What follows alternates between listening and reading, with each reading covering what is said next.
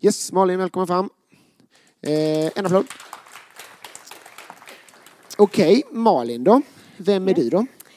Jag är en 25 eh, år gammal människa, Oj. kvinna. Ja.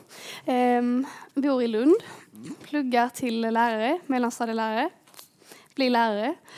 Ehm, ja. ja, vad vill du veta? Typ så. Ja. Eh, vad gör du på fritiden?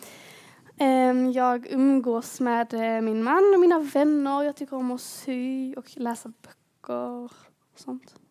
Gött. Ja. Eh, men vad nördar du då? Ja, alltså de som har varit på er umgåsgrupp i Örkelljunga är trötta på det här svaret Men eh, jag nördar Storytel, ljudböcker. Jag försöker att begränsa det. Hur många timmar blir det i veckan? Jag försöker dra ner på det nu. Ja ett problem. Ja, det kan bli ett problem. Jag fick pausa det några månader för att jag liksom lyssnade all vaken tid förutom när jag interagerade med en annan människa. Ja, det, det tar över helt. Tips. Vi kan ge då att hon kan gå på förbön här ikväll. Ja, det kan man göra. Om man har något bekymmer av något ja. slag. Till exempel om man lyssnar för mycket på Storytel kan man gå på förbön. Eh, micken är inte som den ska. Ja, speciellt när man lyssnar på en dålig bok, som nu. Ja, då behöver man gå på förbön. Ja. Men vi kan väl eh, be för dig. Gärna det. Herre, vi tackar dig för att Malin är här. Vi tackar dig för att hon har förberett och eh, satsat och eh, suttit eh, med detta här och, och lyssnat in dig.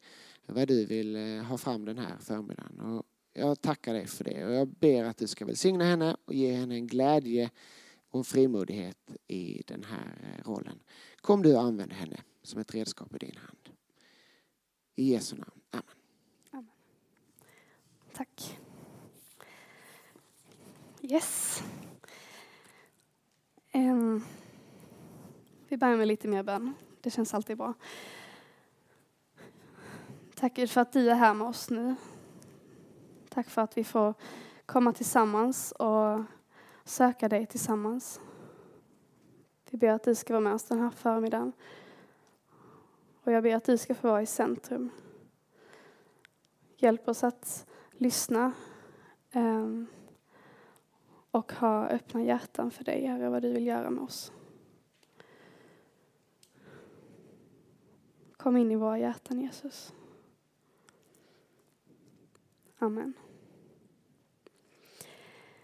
Jag ska berätta en liten antik berättelse om en lärare som levde för några tusen år sedan, som hette Arkiva.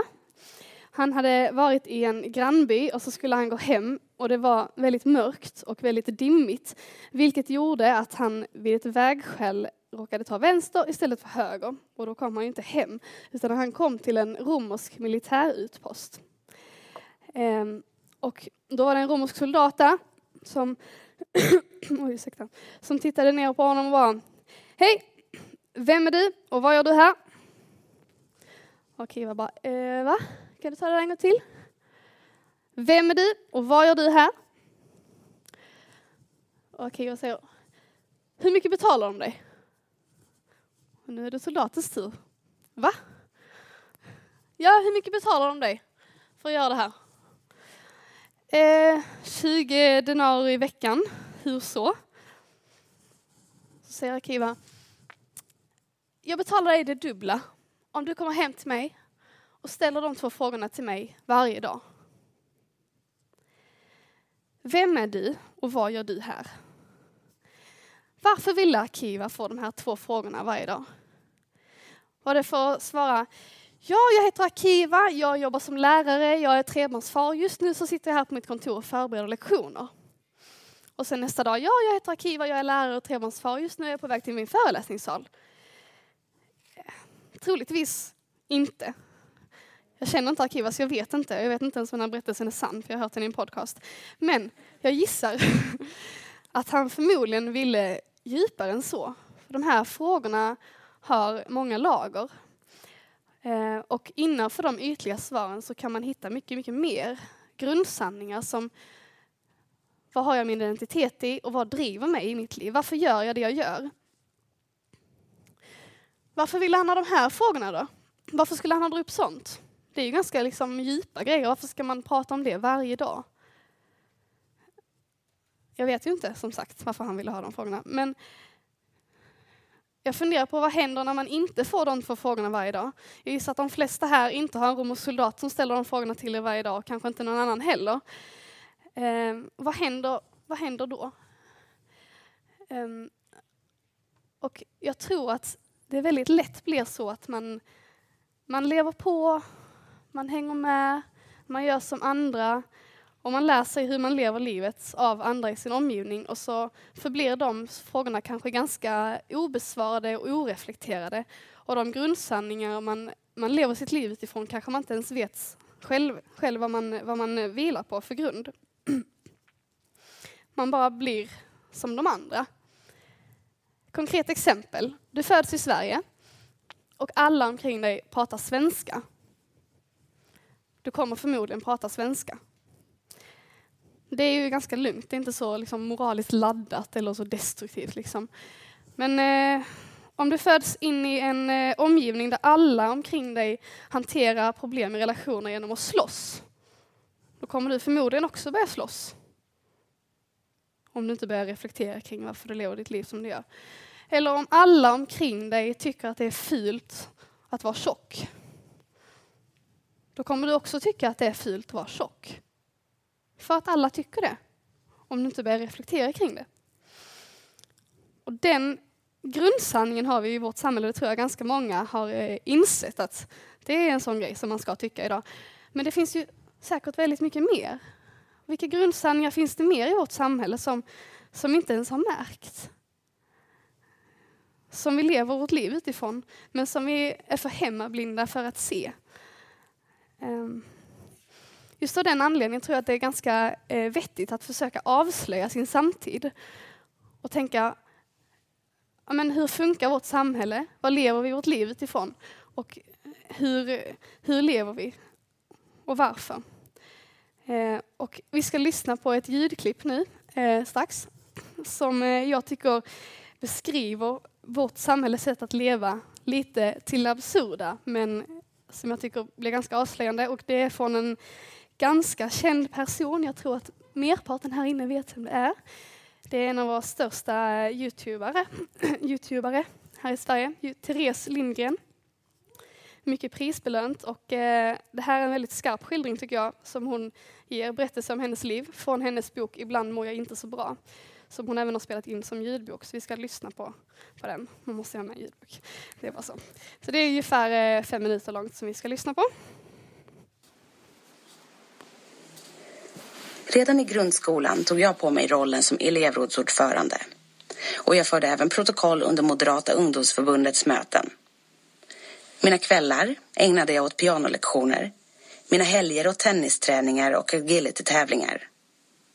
Under gymnasietiden hade jag tre extra jobb, satt i skolans studentkommitté, flyttade hemifrån och försörjde mig själv redan vid 17 års ålder. Jag tillät mig aldrig att ta sommarlov utan läste alltid sommarkurser och jobbade extra så mycket jag kunde.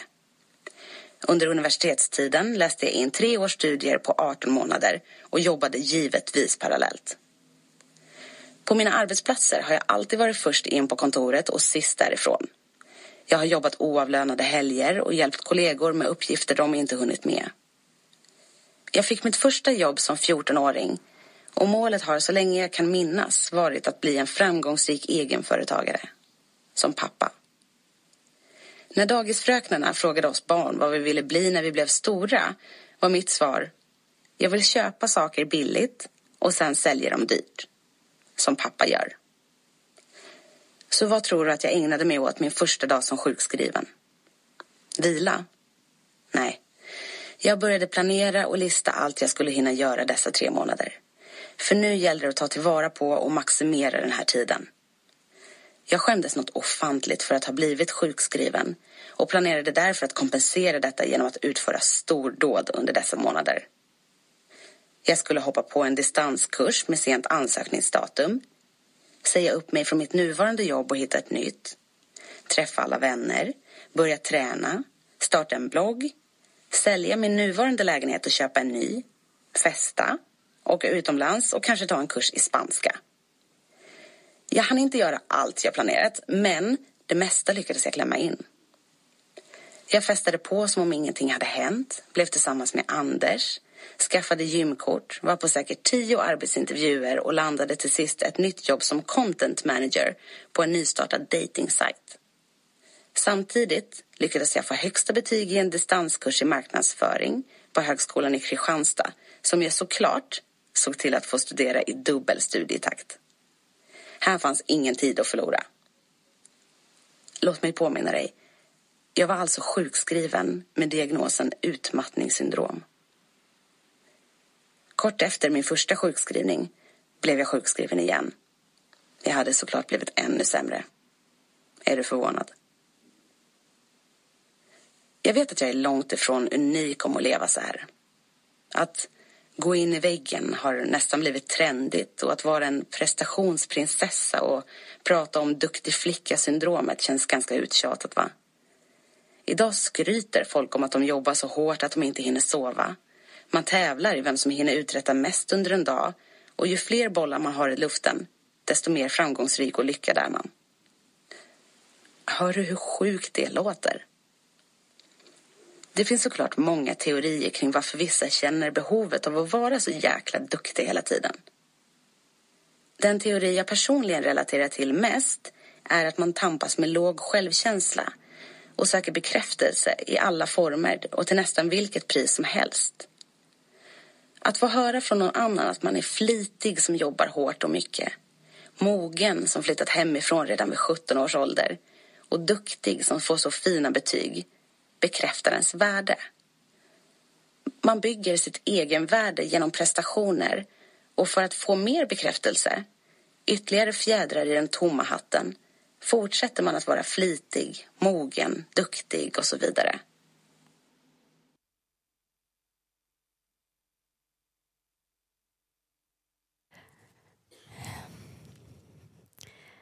Ehm, jag tror att Therese Lindgren har genomskådat en människosyn som vi har idag ehm, som bygger på att vi ser varandra och så, så värderar vi varandras prestationer, meriter, utseende, det vi kan visa upp. Det här kan jag. Ehm, och jag tror att ni kan känna igen det. Annars så lever ni i en väldigt bra annan bubbla. bara liksom, när man söker jobb så visar man upp sitt CV. Ja, de här utbildningarna har jag gått, jag har haft de här jobben, de här andra meriterna har jag liksom. Och så blir man värderad utifrån det, kan jag det här jobbet? Och det är ganska rimligt när man ska söka ett jobb så ska man helst kunna det man, eh, det man ska göra. Men det blir liksom även så när man ska vara i relationer så ska man vara tillräckligt rolig, man ska vara tillräckligt cool, man ska ha rätt image. Eller på fotbollsplanen, var man nu är man måste visa upp att man duger. Ehm, det gäller att prestera och det gäller också att se bra ut. Ehm, födas med bra gener eller ehm, banta eller träna eller någonting. Och det jag tror vi har gjort då, det är att vi har begått en synd när vi gör så här. Säkert omedvetet, för vi har bara lärt oss att det är så här man gör. Men det är ändå en synd och det jag tror vi har gjort är att vi har tagit rätten att bestämma vårt värde från Gud. Och så har vi gett den till människor för att bedöma vad vi presterar. Och så är det det som gäller, det är det som är värt någonting. Och säga till Gud, nej, att du tycker att jag är värdefull, det är inte viktigt. Det viktiga är att de andra tycker att jag är duktig. Eller rolig, eller smart. Eller vad vi nu vill vara. Helst allt. Um, och det här sättet att bygga sitt värde på, det tror jag är problematiskt av flera skäl. Eh, dels för att det bygger på en osanning. Och det är rätt dumt att bygga sin identitet på en osanning. Ehm, det var en gång en tjej, jag hittar på detta själv så det är kanske är en lite bristande story, men det var en tjej som bodde i ett land långt borta en gång för länge sedan. Och så var hon sjukt fattig. Hon bodde typ i ett skjul. Ingen ville vara med henne. Hon var liksom utstött. Alla såg ner på henne. Hon var liksom fattig, äcklig. Så. Eh, och hon fick ju liksom slita för maten varje dag. Liksom. Och så en dag så kommer det någon hem till henne och säger Äntligen har jag hittat dig, som jag har letat. Du är den försvunna arvingen till kungafamiljen kungafamiljen lever inte längre men slotten står kvar och det står massa tjänare där och väntar på att bara betjäna dig. Vi bara väntar på att få kröna dig till drottning. Och hon bara, alltså det, vad är det här för människa som kommer hit och säger så här till mig? Alltså det låter inte rimligt. Han bara, jo men det är sant. Du kan liksom, slottet här utanför stan det är ditt liksom. Och så tänker hon att alltså jag ska gå och kolla med någon annan. Och så går hon till sin granne och så hör hon, alltså det där slottet, vems är det? Är det sant att det är mitt?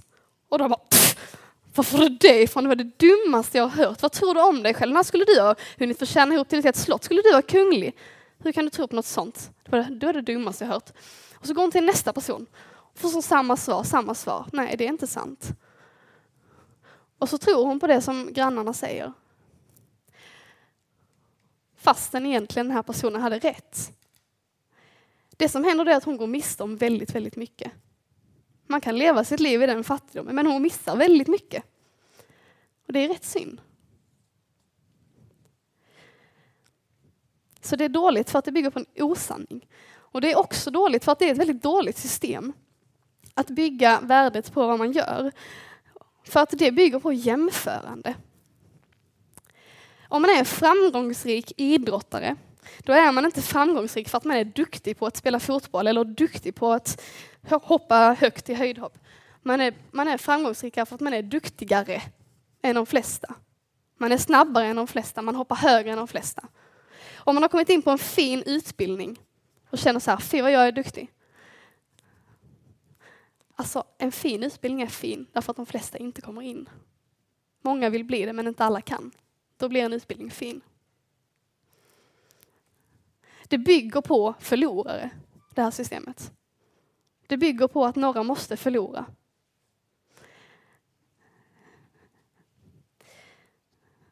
Det är en tävling till toppen. Och vi kan alltid söka oss lite högre. Om jag har kommit in på, jag vet inte, en fin utbildning, jag vet inte, läkarprogrammet, så... Oj, eh, ska inte ramla så kan jag alltid bli ännu finare, jag kan bli överläkare, jag kan forska. Så att det är liksom, helt plötsligt så är man bland andra som också är tillräckligt fina, då, då räcker det inte längre att ha kommit in på läkarprogrammet, då måste jag också dessutom komma ännu högre. Det är ganska få som faktiskt når toppen. Så jag känner hela tiden, jag borde vara ännu bättre. Jag borde klara ännu mer.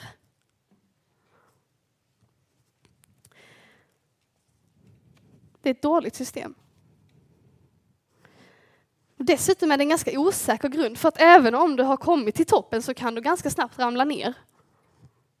Du kan bli sjukskriven, du kan, du kan förlora dina vänner. Du kan börja i en ny kyrka där ingen tycker att du är from och duktig längre. Ingen vet vem du är. Ehm, jag kan tappa det jag har uppnått genom mina prestationer. Och dessutom Även de som är längst upp på toppen verkar ganska missnöjda. Jag kommer inte ihåg vem det var som sa det, men det var någon musiker eller någonting som sa så att ja, jag, jag siktade på toppen, jag kämpade så högt för att komma upp till toppen. När jag kom dit så bara insåg jag att det är ju ingen där, det finns ingenting att hämta på toppen. Jim Carrey sa så här. I think everybody should get rich and famous and get everything they ever dreamed of so that they can see that it's not the answer. Han har nått toppen. Han är så otroligt, liksom, han är jättekänd och jättestor och har hur mycket pengar som helst. Och han har insett att okej, okay, jag siktade hit och tänkte att om jag får lite mer, om jag får lite mer, då kommer, det, då kommer jag känna mig värdefull, då kommer jag bli lycklig. Och sen insåg han att nej, det här var inte svaret.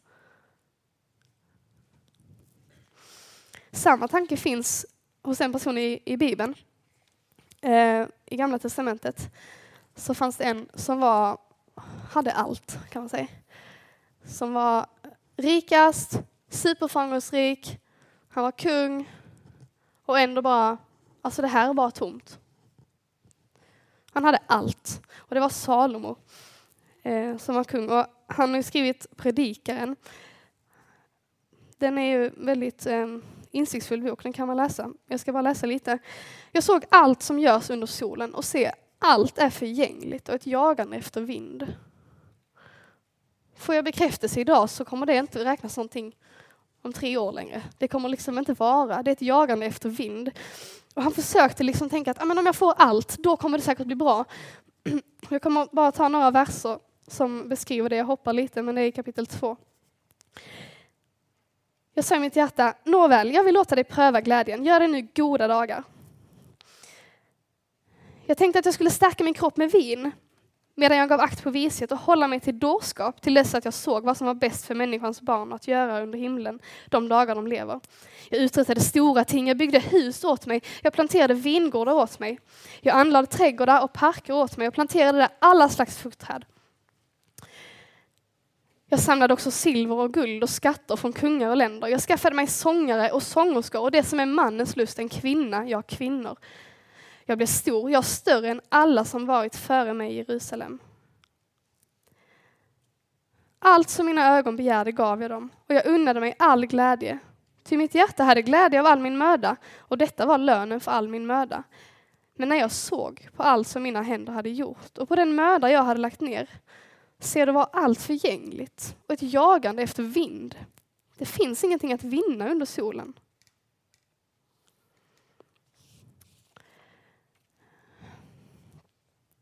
beskriver det som att ja, men när jag har fått allt så känns det ändå bara tomt. Och lite senare i den här boken av Therese Lindgren så beskriver hon också det att bekräftelsen från andra människor var som en drog. Det blev ett rus när hon fick bekräftelsen när hon gick ut på krogen och hon fick bekräftelse från män eller när hon fick höra från, från eh, chefen att hon var duktig. Det var som ett rus och hon ville bara ha mer av det. Hon var helt beroende av att få en ny fix hela tiden. För den varade inte så länge. Hon behövde hela tiden en ny. För att om den han gå över så kände hon bara sig helt tom. Och så dövar man det med att febrilt söka efter mer, prestera mer, försöka lite mer.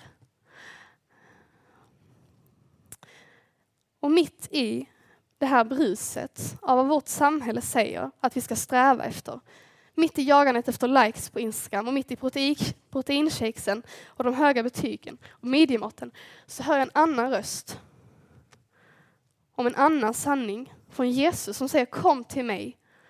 Alla ni som arbetar och bär på tunga bördor, jag ska ge er vila. Han säger frid lämnar jag åt mig efter er. Nej, frid lämnar jag efter mig åt er. Min frid ger jag er, inte ger jag en sådan frid som världen ger. Låt inte era hjärtan oroas och var inte modlösa.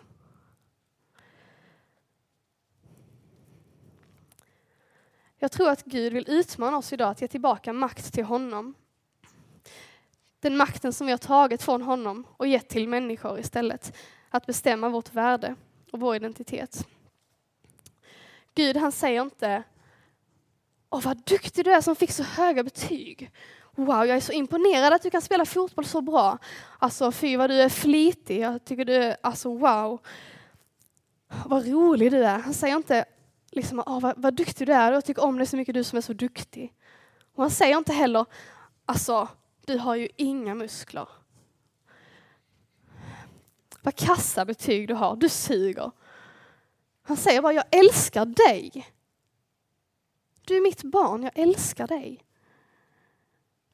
Guds kärlek bygger inte på vad vi klarar eller inte klarar. Den bygger på en annan grundsanning den om vem Gud är. Gud är kärlek. Och vi är föremål för hans kärlek. Och hans kärlek är inte den som hittar det som är älskvärt i en och så älskar den det. Och bara, åh vad du, är, åh vad du har fina ögon, jag tycker om det, du som har så fina ögon. Utan Gud, Guds kärlek är en skapande kärlek som skapar ett värde i det som den älskar. Så som ett litet barn skapar ett jättehögt värde i en viss nalle som bara måste vara med överallt. Den här nallen har kanske saknar öronen och den har nästan inget ludd kvar, den luktar inte gott. Men den är det viktigaste, den, liksom, utan den så är det panik. Den nallen är inte värd någonting för att den är så söt. Utan den är bara the nalle. Liksom. Ehm, och om vi, om vi liksom inte lyssnar på Gud, då går vi miste om väldigt mycket. Det är som att vi alla springer runt med en mugg och så vill vi hämta vatten. Och så får vi några skvättar från att vi får många likes på Instagram och så får vi några skvättar här för att läraren säger att jag är duktig och sen får vi några, likes, eller några skvättar för att Ehm, jag är med i en diskussion och jag känner att jag säger smarta saker så andra blir imponerade av mig. Och det är liksom, jag samlar, jag samlar, jag samlar. Jag behöver hela tiden mer vatten.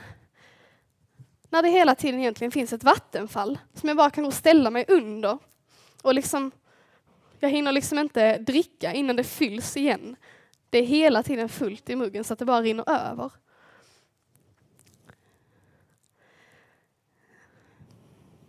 Men det är liksom lite svårt att stå där under det vattenfallet tror jag, för att när vi står där under vattenfallet, då kan vi inte säga till oss själva, åh vad duktig jag är som har hämtat allt det här vattnet. För det är inte jag som har gjort att det här vattnet är i den här muggen längre, utan det är Gud som har gett det vattnet. Och det känns liksom som att ah, jag ska bara gå och hämta de här dropparna här borta hos läraren, för det känns ju väldigt bra om jag får ett A ah, skönt, nu har jag hämtat de här dropparna själv. Liksom. Så kan man liksom berömma sig av sig själv. Och vi vill gärna det, vi liksom dras med i den här muggtävlingen. Liksom. Och så dras vi med i omgivningens sätt att tänka, att vi ska duga, vi ska imponera det är ganska svårt att stå kvar under vattenfallet. Alltså när man berättar den här bilden så tänker man ja men det är bara att stå där. Men i det verkliga livet så är det inte att vi har ett vattenfall och en mugg utan det är att vi, ska ändå gå i skolan, vi ska ändå göra våra skoluppgifter, vi ska ändå ha relation med folk och så här. Men att inte försöka dras med i samhällets sätt att tänka, det är svårt. Och då tror jag att vi behöver de här frågorna som Arkiva fick varje dag. Vem är du? Och vad gör du här?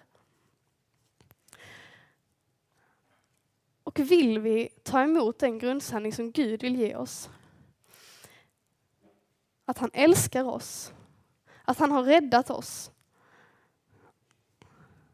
att vi inte behöver prestera för att duga, då tror jag att vi, vi måste försöka att ta emot Guds kärlek gång på gång, hela tiden. Och för att göra det så behöver vi vara öppna för Gud. Och jag ska läsa ett litet stycke ur en bok som är väldigt bra som heter eh, Kärleken jag längtar efter av John Ortberg. Det första vi har att göra om vi vill leva i Guds kärlek är att vara lyhörda för honom. Och sen hoppar jag lite. Han säger så här, vi är ständigt tilltalade, men vi hör honom inte, alltså Gud. Därför att vi inte vet hur vi ska bära oss åt för att lyssna. Det är väldigt lätt att höra samhällets röster om hur man ska göra för att leva upp till allting och att man ska klara saker. För det, det är så eh, genomsyrande i vårt samhälle. Men hur gör vi om vi ska lyssna på Guds röst? Det är inte så lätt att svara på. Men Jag försöker tänka så här. Försök tänka på någon som älskar dig, som du vet älskar dig.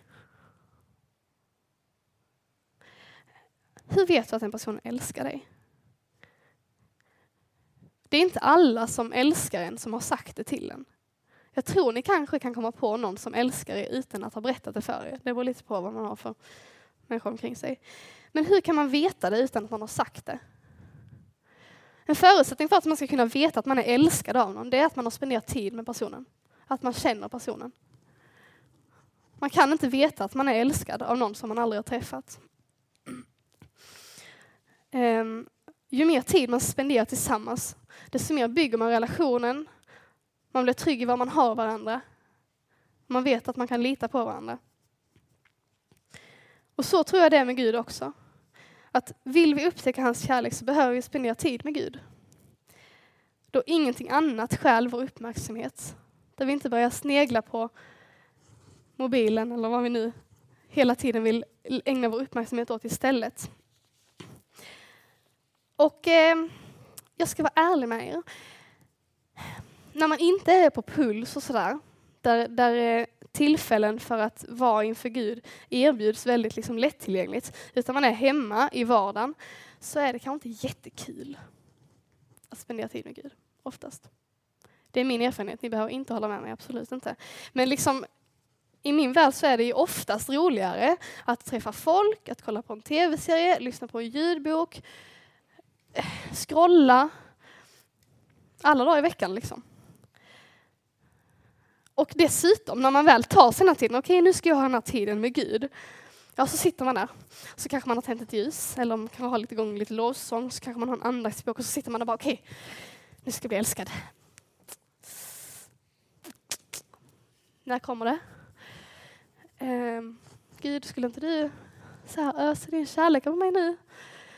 Och så bara känner man att jag känner mig precis som vanligt. Jag är bara uttråkad liksom. Um, och så känns det inte som att det händer någonting. Tyvärr. Oftast. Kanske inte alltid så, men eh, oftast. Men jag vill uppmana er att göra det ändå. Min erfarenhet är, nu talar jag ut från mig själv, eh, att det är ändå superförvandlande. Inte precis i den stunden. Det är inte då liksom när jag sitter där och bara åh, nu känner jag mig så älskad precis som jag är. Jag bara aldrig mer känner att jag måste imponera på någon annan. Alltså det, det kommer inte så. Men om man kan se tillbaka på en period, om man har haft en period som man har varit mycket inför Gud, då kan jag se att det har förändrat mig. Och jag vet att det finns andra som har samma erfarenhet. Och jag tror att det gör väldigt mycket bara att pausa inflödet från samhällets röster. Um, och fästa uppmärksamheten på någonting annat. Um, jag ska läsa ett citat från en annan bok. mycket böcker idag. Som heter Janusfrid. Som handlar om en kille som heter Janus, som är kristen. Eller som, eh, ja, han är kristen. Och som eh, kämpar med sin tro. Väldigt bra bok, läs den. Um, och så pratar han med en lite äldre kristen som heter Christian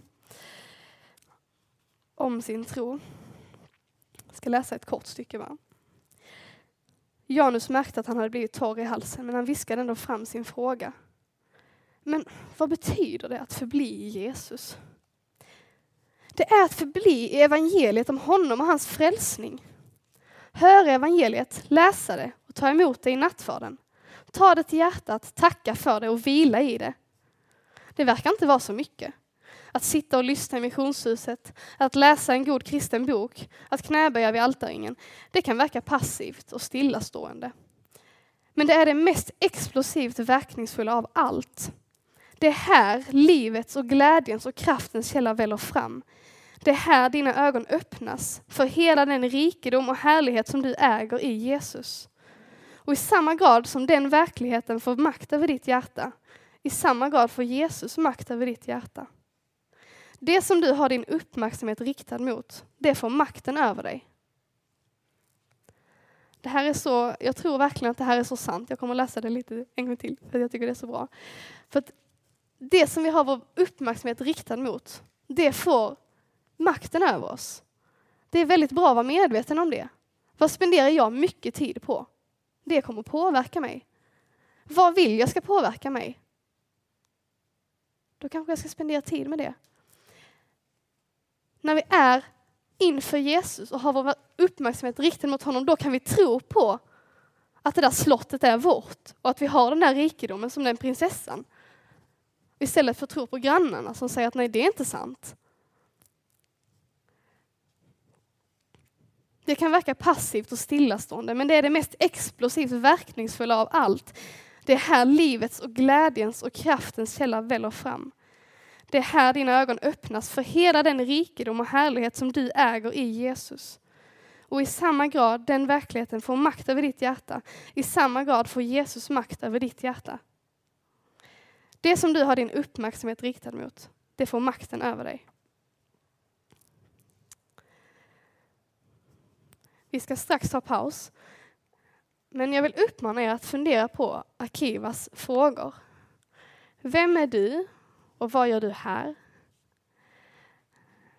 Och också, vad gillar du att fylla på din mugg?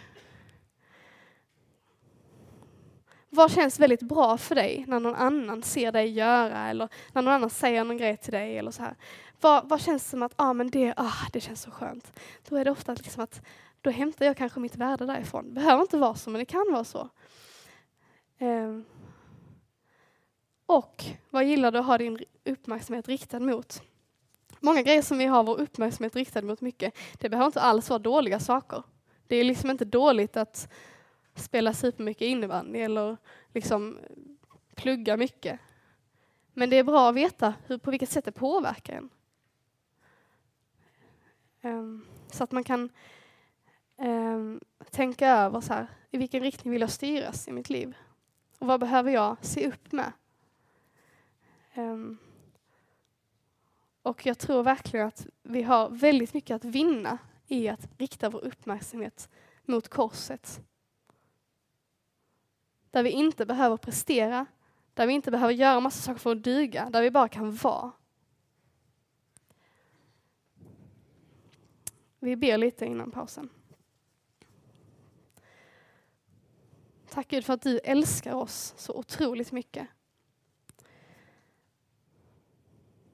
Tack för att vi alltid kan komma inför dig.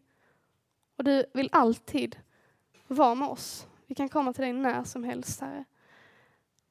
Herre, hjälp oss att komma ihåg den inbjudan och att lyssna på den inbjudan. Och hjälp oss att tro på din kärlek tro på den du är. Och Gud förlåt oss för att vi så ofta bryr oss mer om vad andra människor tycker om oss än vad du tycker om oss och vad som verkligen är sant. Hjälp oss att verkligen tro och lita på dig.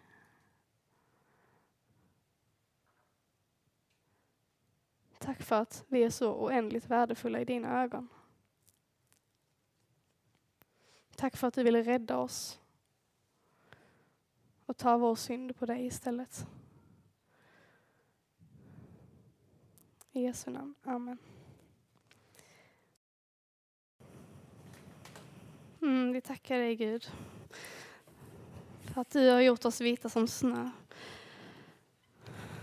Tackar dig Gud för att vi får finna oss själva i dig i livets bröd. Tack för att vi får ropa ut ditt namn och tacka dig. Var med oss även under den här stunden innan lunch. Amen. Nu ska jag problematisera lite av det jag sa innan pausen. Och sen ska vi se lite på Jesus. Ehm, det finns ju det här att man ska söka bekräftelse från andra och så i vårt samhälle. Men det finns också en liten motreaktion mot det. Som är så här, nej men jag ska vara självständig, jag ska inte bry mig om vad andra tycker och liksom, jag ska inte vänta på andras godkännande. Liksom. Jag ska vara en självständig kvinna. Det är ju liksom ganska vanligt, det är inte så ofta man hör att man ska vara en självständig man, men då ska man ju vara självständig i alla fall. Eh, man ska inte bry sig om vad andra tycker liksom. Um, jag hade lite, roade mig lite med att kolla på Pinterest efter quotes om eh, independent woman. Så här, det var, fanns ganska många. Eh, så här, jag söker inte efter min andra hälft för jag är inte halv. Eller, um, and the princess lived happily ever after in her own big castle with all, all of her own money and she took care of herself, the end. Uh, så att man liksom upphöjer, nej men vi ska inte vara så beroende av andra, jag ska klara mig själv. Uh, den, eh, den mest tragiska var den här. The best way to avoid disappointment is to not expect anything from anyone. Um, väldigt tragiskt. Det finns poänger kring självständighetstänket som är väldigt vettiga. Typ, ja men jag vill egentligen gå fordon men jag vågar inte det för att alla tycker att det gör man bara om man är kille liksom. Och, ja, det, det, är nog bäst att gå omvårdnad istället, och vara lite mer som andra tänker att man ska vara. Alltså då är man ju bunden av andras åsikter på ett sätt som är negativt. Då är det ju positivt, man är självständig och bara nej men jag vill det här, då gör jag det. Um, men jag tror inte att självständighet in absurdum är svaret på eh, det osunda sökandet efter bekräftelse som vi gör i vårt samhälle. Jag tror inte Gud tänkte att Ah, nej, ni ska inte söka bekräftelse och godkännande från andra. Ni ska vara helt oberoende av vad andra tycker om, om er. Eh, det är inte det som är Guds svar, tror inte jag. Jag tror det finns en helt annan sanning. Eh, och vi ska undersöka det lite. jag kommer läsa från Johannes evangeliets 17 kapitel, vers 24. Ehm. där, där. Jesus ber till Gud. Och så säger han att du har älskat mig innan världens grund var lagd. Innan någonting existerade av den värld vi lever i, innan universum fanns, så fanns det enda som den kristna tron säger är evigt, nämligen Gud. Och det som fanns var då en fullkomlig gemenskap i den treenige guden. Tre parter som älskade varandra. Gud älskade Jesus och alla parter i gudomen älskade varandra. Och det är universums ursprung, en älskande gemenskap. Det är det eviga liksom. Och den här guden skapade vår värld och genom hela skapelseberättelsen eh, så nämns det gång på gång att det var gott. Johannes var inne på det igår. Och när människan skapades så var det mycket gott. Och då var det Adam och Eva och de tillsammans skapades och var Guds avbild. Så det var inte att de skapades i ett vakuum, sa ja, men en människa, Guds avbild. Jo, delvis, men också att de var tillsammans. Och det blir ännu tydligare i andra kapitlet i Första Mosebok, ehm, där eh, man går in mer på människans eh, skapelse. Ehm, och där, det är lite intressant för att genom hela den första berättelsen om skapelsen så var det liksom att allting var väldigt gott. Det var ju innan syndafallet. Men i det andra kapitlet så kommer det någonting som beskrivs som att det var inte bra. På det svenska står det att det var inte bra, men på engelska står det not good. Och det kan man också tänka då, inte gott. Innan syndafallet. Jag behöver hosta. Ursäkta. Och det är i eh, Andra Mosebok, eller Första Mosebok, andra kapitlet, vers 18. Herren Gud sade, det är inte bra för mannen att vara ensam. Jag ska göra en medhjälpare åt honom, en som är hans like. Det är lite roligt att Johannes också läste den här versen igår, från repetition. Det är inte bra för mannen att vara ensam. Det var inte gott. Tillsammans så blev det gott. Adam och Eva. Det kan nämnas också att den här versen har använts negativt genom historien. Man har liksom tänkt att ja, men kvinnan var någon slags medhjälpare, och som att det skulle innebära en tjänare eller slavposition, eh, för att hon var en, hans medhjälpare. Eh, och jag vill bara nämna det, för att det hebreiska ordet här, eser, som betyder hjälpare, det används på fler ställen i Gamla Testamentet. Eh, men det används aldrig förutom här, om någon annan än Gud. Gud är min hjälpare, min eser. Så att, att eser skulle innebära en degradering till någon hjälpare i en underliggande hierarki, det stämmer inte. Ehm, så vet ni det. Det är liksom inte någon slags underdånighet, utan en gemenskap där de är varandras likar. Ehm, Och när vi lever i gemenskap med varandra, så inte bara i gemenskap med Gud utan också mellan människor, där vi är ömsesidigt beroende av varandra, där vi behöver varandra, eh, då är vi Guds avbild, då är vi så som Gud skapade oss till att vara. Ehm, då återspeglar vi Gud. Och jag tror dessutom att vi kan få hjälp av varandra för att förstå Guds kärlek. Ett barn som växer upp med goda föräldrar som älskar barnet och ger den allt vad den behöver och inte eh, säger att ja, men du måste lyckas bra i skolan och sätta någon slags krav att annars tycker vi inte om dig längre. Utan ett barn som barnet känner sig älskat precis som det är. Den kan komma till föräldrarna med vad som helst. Den vet att de älskar mig lika mycket ändå. Det barnet har fått hjälp att ta in grundsanningen, jag är värdefull oavsett vad jag gör eller inte gör.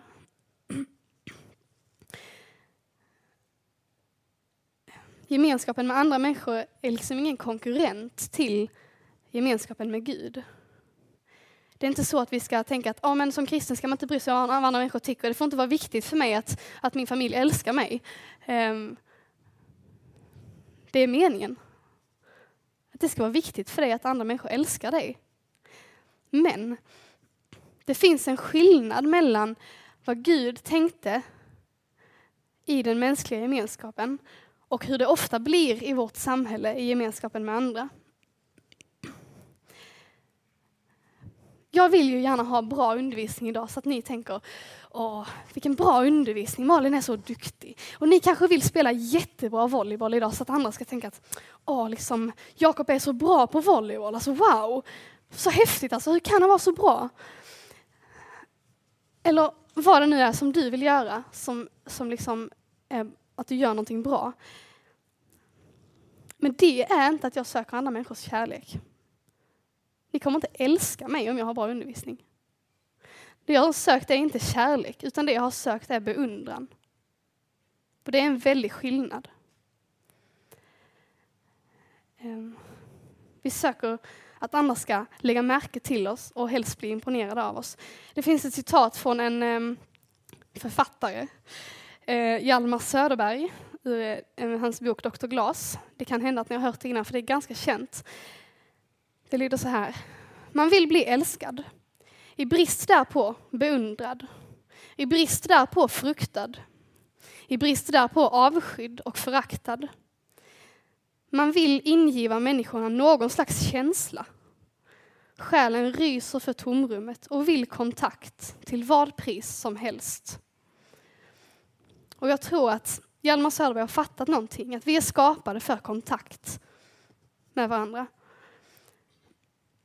Och kan man inte få kärlek så kanske man kan få beundran. Och kan man inte få beundran så måste man i alla fall vara någonting, så då vill man kanske bli fruktad. Ni kanske känner igen det här från när man pratar om mobbning i skolan. Klassisk mobbare. Då säger man att ja, men det är för att man måste vara någon. Det är viktigare att vara den elaka än att man är älskad. För att man kan inte vara ingen liksom. Därför, därför väljer man istället att mobba någon annan. Och det blir logiskt när man tänker så här. Men det man kan fråga sig är varför är det så lätt att vi börjar söka människors beundran istället för att söka kärlek? Om det är kärlek man vill ha, man säger man vill bli älskad i brist där på beundran. Om det är att vi vill bli älskade, varför börjar vi söka beundran då istället?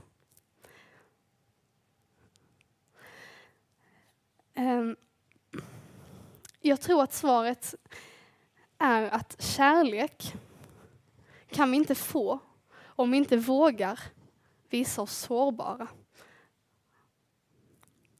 Och det är jättejobbigt. Jag kan inte ta emot verklig kärlek utan att samtidigt riskera att bli sårad. Vi ska titta på ett klipp ehm, från en TED-talk eh, av en forskare som heter Brené Brown som pratar om sårbarhet, vulnerability, som det heter på engelska. Ehm, vi hinner inte kolla på hela, men det blir en liten, eh, liten introduktion till det. Ehm, ja, ska se. Nej, det, vi kommer in lite mitt i, men jag tyckte ändå att vi kan titta på det, än att jag ska återberätta det. Ja.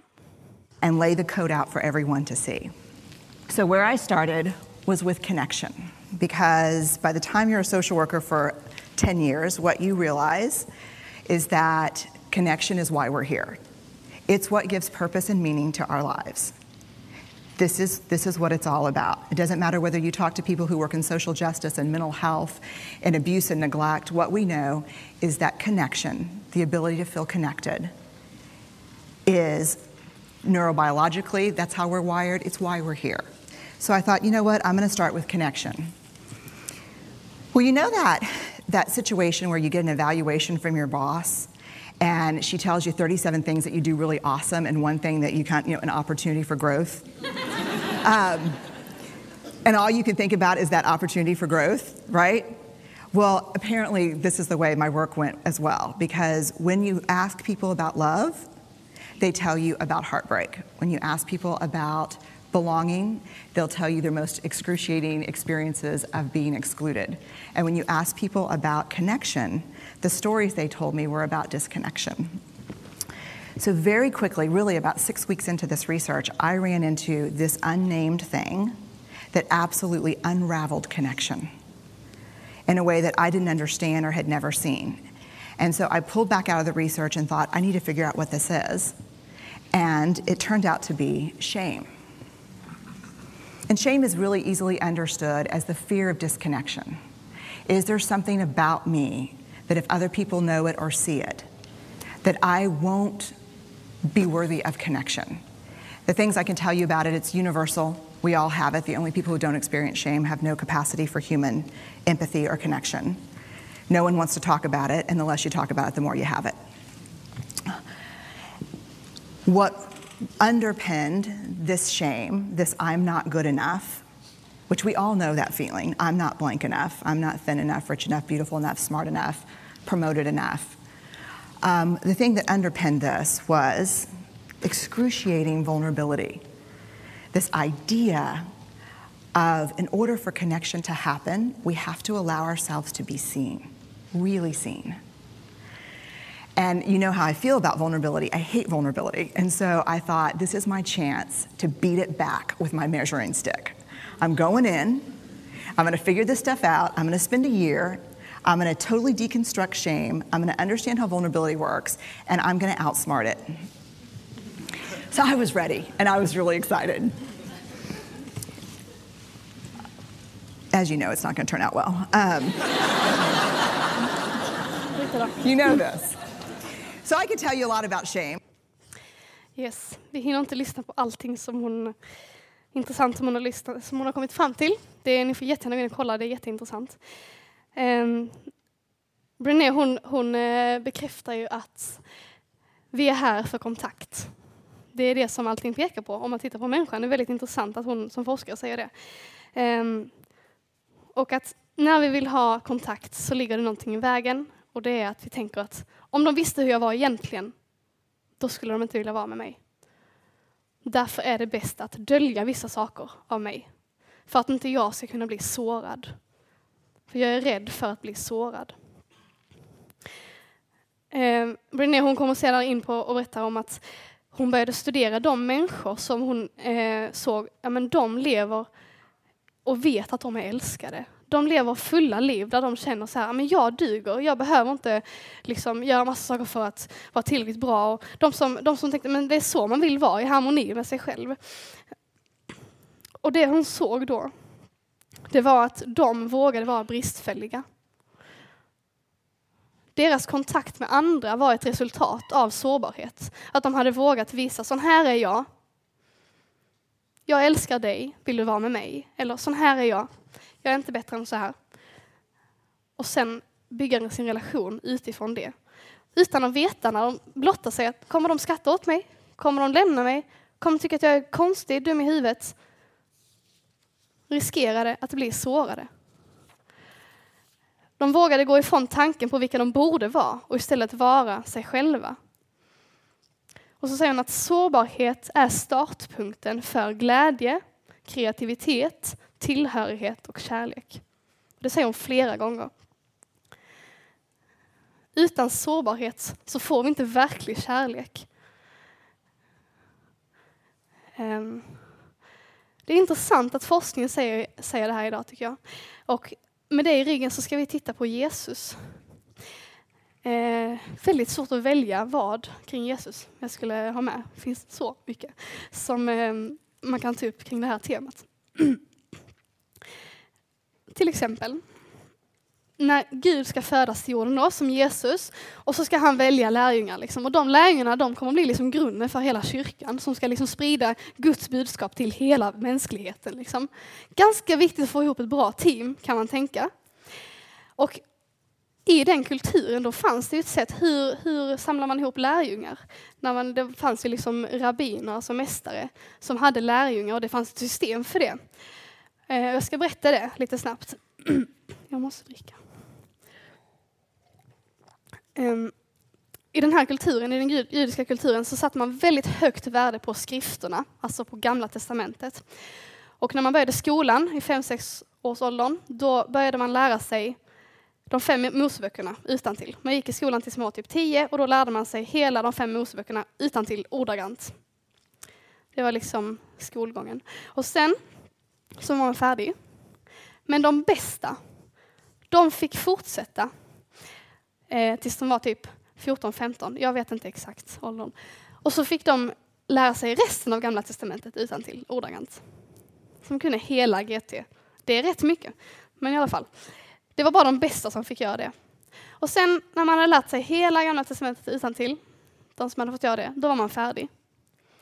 Eh, men de allra, allra bästa i skolan.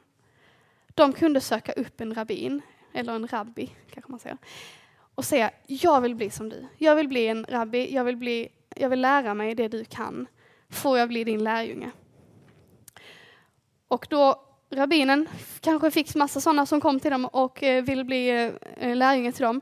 Och då började de utreda, okej okay, vad kan den personen, vad duger den till, vad kan den utan till, hur mycket kan den, hur är den som person? Det är liksom, den ska kvala in liksom. Och så kanske någon fick bli lärjunge. Det var verkligen en tävling till toppen. Det var bara de allra, allra bästa som fick bli lärjungar.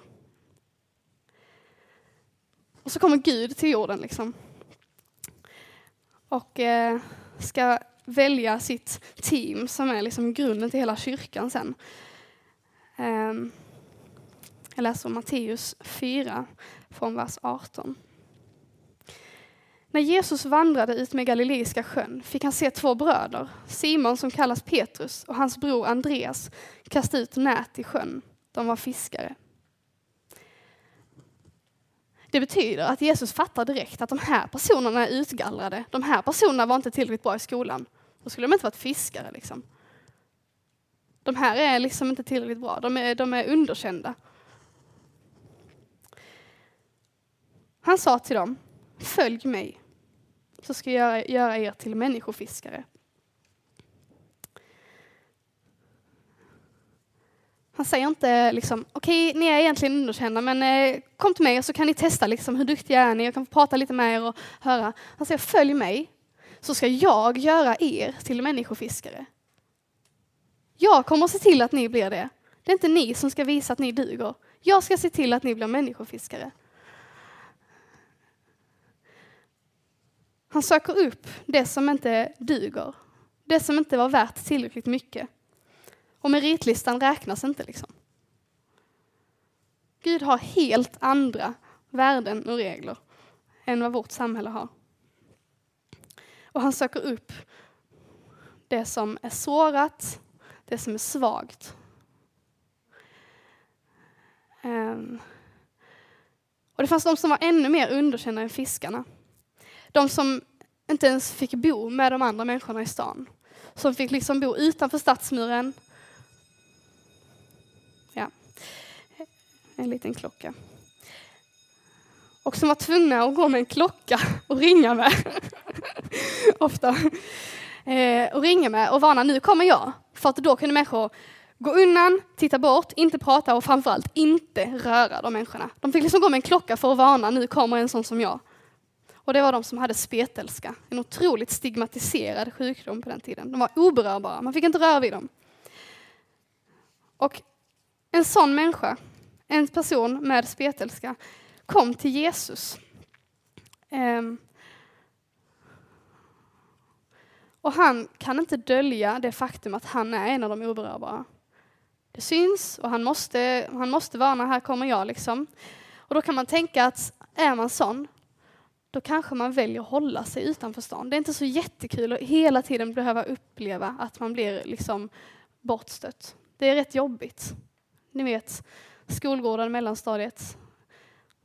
Om man inte fick vara med de coola så slut, slut, slutar man fråga dem. Man är med de andra okola istället för att det är jobbigt att hela tiden få ett nej. Det här var nog rätt mycket värre. Eh, och ändå så väljer den här personen att göra sig sårbar. Det står så här. Jesus uppehöll sig i en av städerna och det fanns en man som var full av spetälska. Förresten, jag läser från eh, Lukas kapitel 5, vers 12. Mannen fick se Jesus och föll ner på sitt ansikte och bad, Herre, om du vill kan du göra mig ren.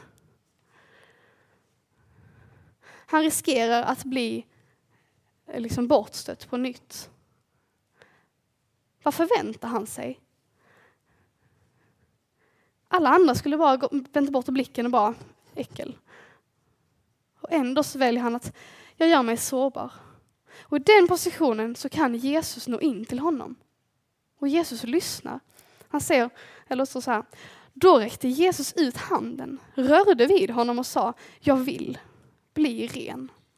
Och genast lämnade spetälskan honom. Jag tror att det var otroligt fantastiskt att han fick bli helad, men jag tror att det var minst lika upprättande för honom att Jesus lyssnade på honom och att Jesus rörde vid honom. Han blev behandlad som en människa. Och det kunde han bli därför att han vågade riskera att få nobben. Att bli dissad, eller vad man nu ska säga. Um. Och jag tror att vi är lite som städer. Vi har kanske de finaste byggnaderna i mitten, helst höga så att alla ska se dem. Vi kanske har en fin kyrka med en massa fromhet som andra ska se. Liksom. Och vi vill gärna att människor ska se allt det där som vi ska visa upp. Massa fina egenskaper. Men vi har också spetelska inom oss. Sidor som vi skäms över, som vi bara önskar att varför, varför är jag sån här? Det här får ingen veta att jag har tänkt eller gjort eller sagt. Den här egenskapen, den får ingen veta att jag har. Och så döljer vi undan det. Och vill absolut inte att någon ska se det. Så det får liksom inte vara innanför stadsmuren ens. Vi vill inte kännas vid det. Men Jesus vill kännas vid det, han söker sig till det, han lyssnar till dem som vågar komma och säga, här är min spetelska. Det här är det filaste hos mig. Och så riskerar man att bli dissad, att bli hånad, att bli sårad. Men det är just det Jesus vill röra vid. Det är just det Jesus vill rena och upprätta och säga jag älskar dig.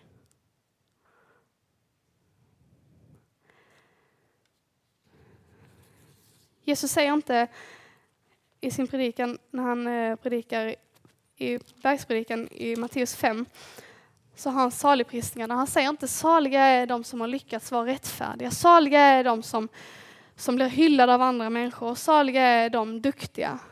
Han säger saliga är de som är fattiga i anden. De tillhör himmelriket. Saliga är de som sörjer. De ska bli tröstade.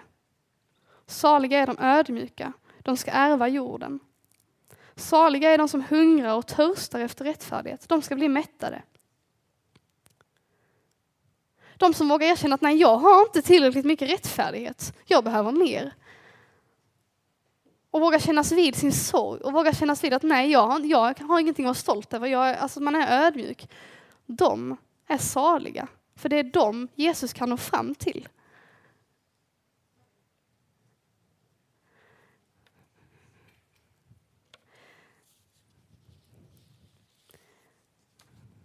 Vi behöver göra oss sårbara för att bli älskade. Och jag tror att det är mer än i relationen med Jesus som vi kan bli upprättade i våra sår. Och där det är sunt att vi får visa vår smärta. Jag tror att det också är i gemenskapen med andra människor som vi får vara en avbild av Gud genom att våga visa vilka vi är. Ehm. Våga blotta oss så att vi också kan bli älskade av andra människor. När, när Jesus säger till lärjungarna följ mig så ska jag göra er till människofiskare. Så säger han inte bara ni som är underkända, jag vill godkänna er. Han säger också följ med mig, följ mitt exempel och godkänn andra människor som är underkända i världens ögon.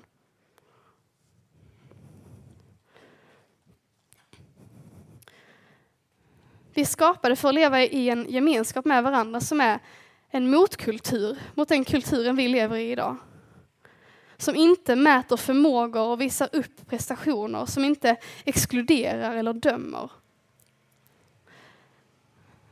Som vilar på ett helt annat grundsystem, som inte går med på den här världens ideal, den här världens regler och förutsättningar kring hur ska vi tänka och bedöma andra människor. Vi ska inte gå med på de reglerna. För Gud har helt andra regler. Gud vill röra vid, det, vid de oberörbara.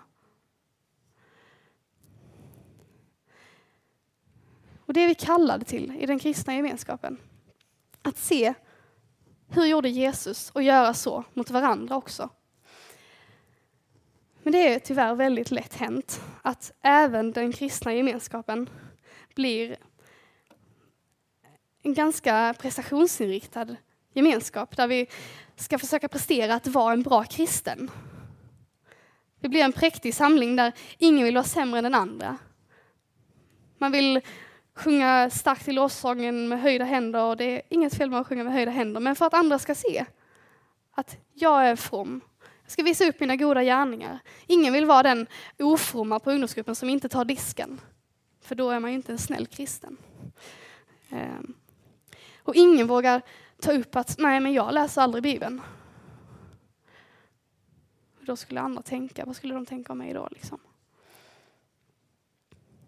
Det kanske är en gemenskap där man från början är väldigt genuina och längtar efter Gud och så ses man och så ber man och så är man väldigt ivrig i sina böner. Men sen efter två månader så har man tappat det egentligen och liksom man är trött och i skolan och allting och så ska man ses och så ska man be och så känner man inte alls för det men sen så man anstränger sig lite extra bara, åh gud jag längtar efter det, så försöker man hålla upp den här ivriga ytan som det har blivit, som först var helt genuin. Men så vill man liksom inte visa att jag är inte där längre. så går man ifrån verkligheten bara lite grann. Och så börjar vi låtsas. Och då tar vi steget från en verklig gemenskap till en gemenskap där vi försöker visa upp hur vi skulle vilja vara. Och då står jag inte längre i en position där jag kan bli älskad för den jag är. Då står jag i en position där jag kan bli bedömd utifrån mitt yttre. Och inuti så vet jag att det är inte mitt verkliga jag. Så om de tycker om mig så tycker de inte om den jag verkligen är. Så jag har inte gett dem chansen att tycka om mig. Jag har gett dem chansen att tycka om min fasad. Um. Och då separerar vi oss från det som har verkligt värde, kontakt, med Gud och med oss själva och med andra människor och med naturen. Um. Men en grupp kristna är inte en grupp människor som säger att ja, vi är minsann kristna. Vi lever nära Gud. Och så. Det är en grupp människor som säger jag behöver förlåtelse. Jag kämpar och jag misslyckas och jag är liksom så här är jag. Jag är inte den jag önskar att jag vore.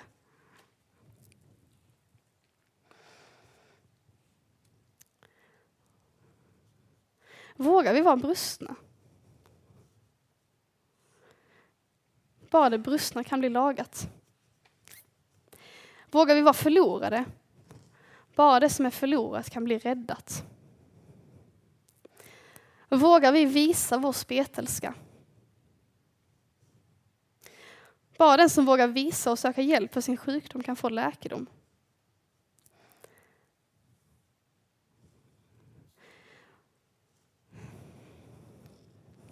Och vi får verkligen följa Jesu exempel att, att när vi ser någon annan eh, visa sig sårbar, då är vi kallade att eh, förkroppsliga Guds kärlek till den personen. Eh, och inte ge dem det såret som de är rädda för att få, utan ge dem kärlek. Eh, det som utmärker en kristen var den än finns i världen, är att personen kommer till korset och säger jag behöver dig. Kan du älska mig, jag som är sån här? Och inte döljer någonting. Och där inför korset så kommer vi också upptäcka att där finns andra människor också. Vi är inte ensamma inför korset och det är gott.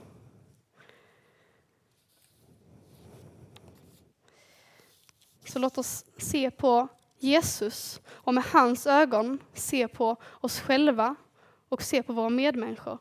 Relationen med Gud behöver upprättas för att vi ska kunna ha en upprättad relation i de andra hållen också. För det är grunden. Guds kärlek är grunden. Vi kan älska därför att han först har älskat oss. Vi ska älska varandra så som jag har älskat er också, ni ska älska varandra. Jag kan inte läsa rätt ordning baklänges. ni ska älska varandra, så som jag har älskat er ska också ni älska varandra. Men det börjar med att Gud älskar. Och det behöver vi fästa vår uppmärksamhet mot och ta emot ofta, varje dag. Vem är du? Vad gör du här? Vem vill du lyssna på? Se Guds lamm som tar bort världens synd. Vi, eh, vi ber. Tack Gud för att vi får se på dig och se på din kärlek och ta emot den. Hjälp oss Gud att våga visa fram vår spetälska, det som vi skäms över och det som vi önskar att vi inte hade i oss. Ehm, hjälp oss att våga erkänna det för oss själva och hjälp oss att våga visa det inför dig. Hjälp oss att våga vara sårbara inför varandra. Herre, jag ber att vår gemenskap mellan varandra som kristna verkligen ska få vara ett förkroppsligande av din kärlek, Gud. Kom och var mitt ibland oss och fyll oss med din kärlek så att vi kan ge ut och ge vidare. Tack Gud för att du inte tänker som vår värld tänker idag.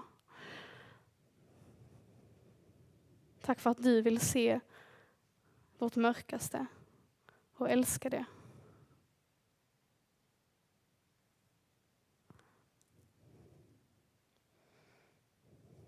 Hjälp oss att komma ihåg det och leva i det. I Jesu namn. Amen.